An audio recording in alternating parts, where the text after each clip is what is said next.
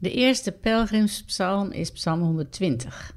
En die begint met: Roep ik in mijn nood tot de Heer, Hij geeft mij antwoord. En de psalmist begint met te vertellen dus dat hij in nood is. Het ziet ernaar uit dat hij het slachtoffer is van leugen en misleiding. En hij heeft pijn over wat er gaande is. Maar hij onderdrukt zijn gevoelens niet.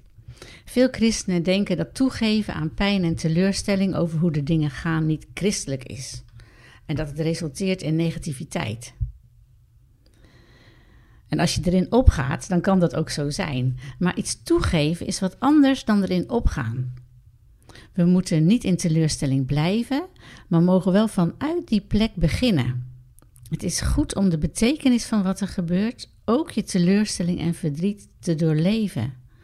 Om eerlijk te zijn naar jezelf. En daar als het ware doorheen te groeien. En weer licht en liefde te kunnen ervaren. Dat is een hele natuurlijke flow. Uh, dat we door de pijn heen en in die pijn God ontmoeten en weer uh, zijn goedheid gaan ervaren. En de teleurstelling over wat, er, wat dit leven brengt, dat is op een bepaalde manier een motivatie om de weg van Jezus te volgen. De psalmist besluit om weg te bewegen van de leugens die hij gehoord heeft. En dat geldt ook voor ons. Er kunnen leugens zijn zoals, nou, je kunt je geluk vinden onafhankelijk van God. Of, nou, jij bent niet verantwoordelijk voor hoe je in elkaar zit.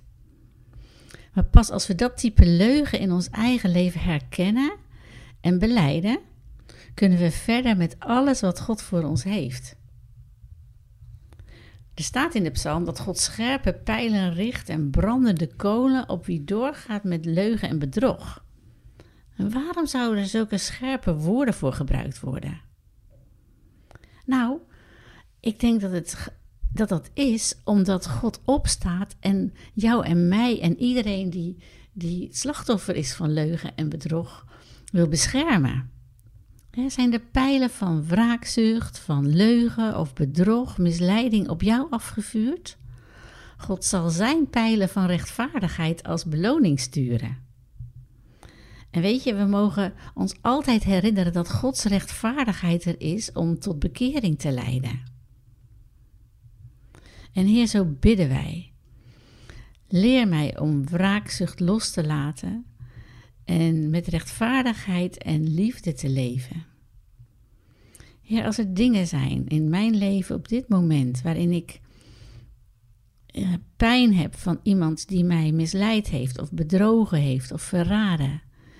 Heer, help mij om dat aan U over te geven en te weten dat U voor mij strijdt. Je helpt me om te bewegen naar het licht en in uw liefde te leven. Ook vandaag. Amen.